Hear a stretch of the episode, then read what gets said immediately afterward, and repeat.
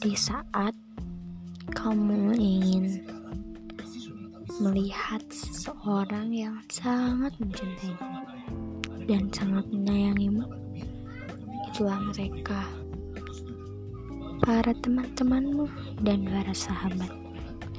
Ya, mungkin mereka akan selalu ada dalam ketidakenakan pada diri kamu, tapi yakinlah mereka adalah orang yang sangat baik sekali. Dan tiada terkira kebaikan mereka. Dan bagi kamu yang memiliki teman seperti mereka ber betapa beruntungnya kamu.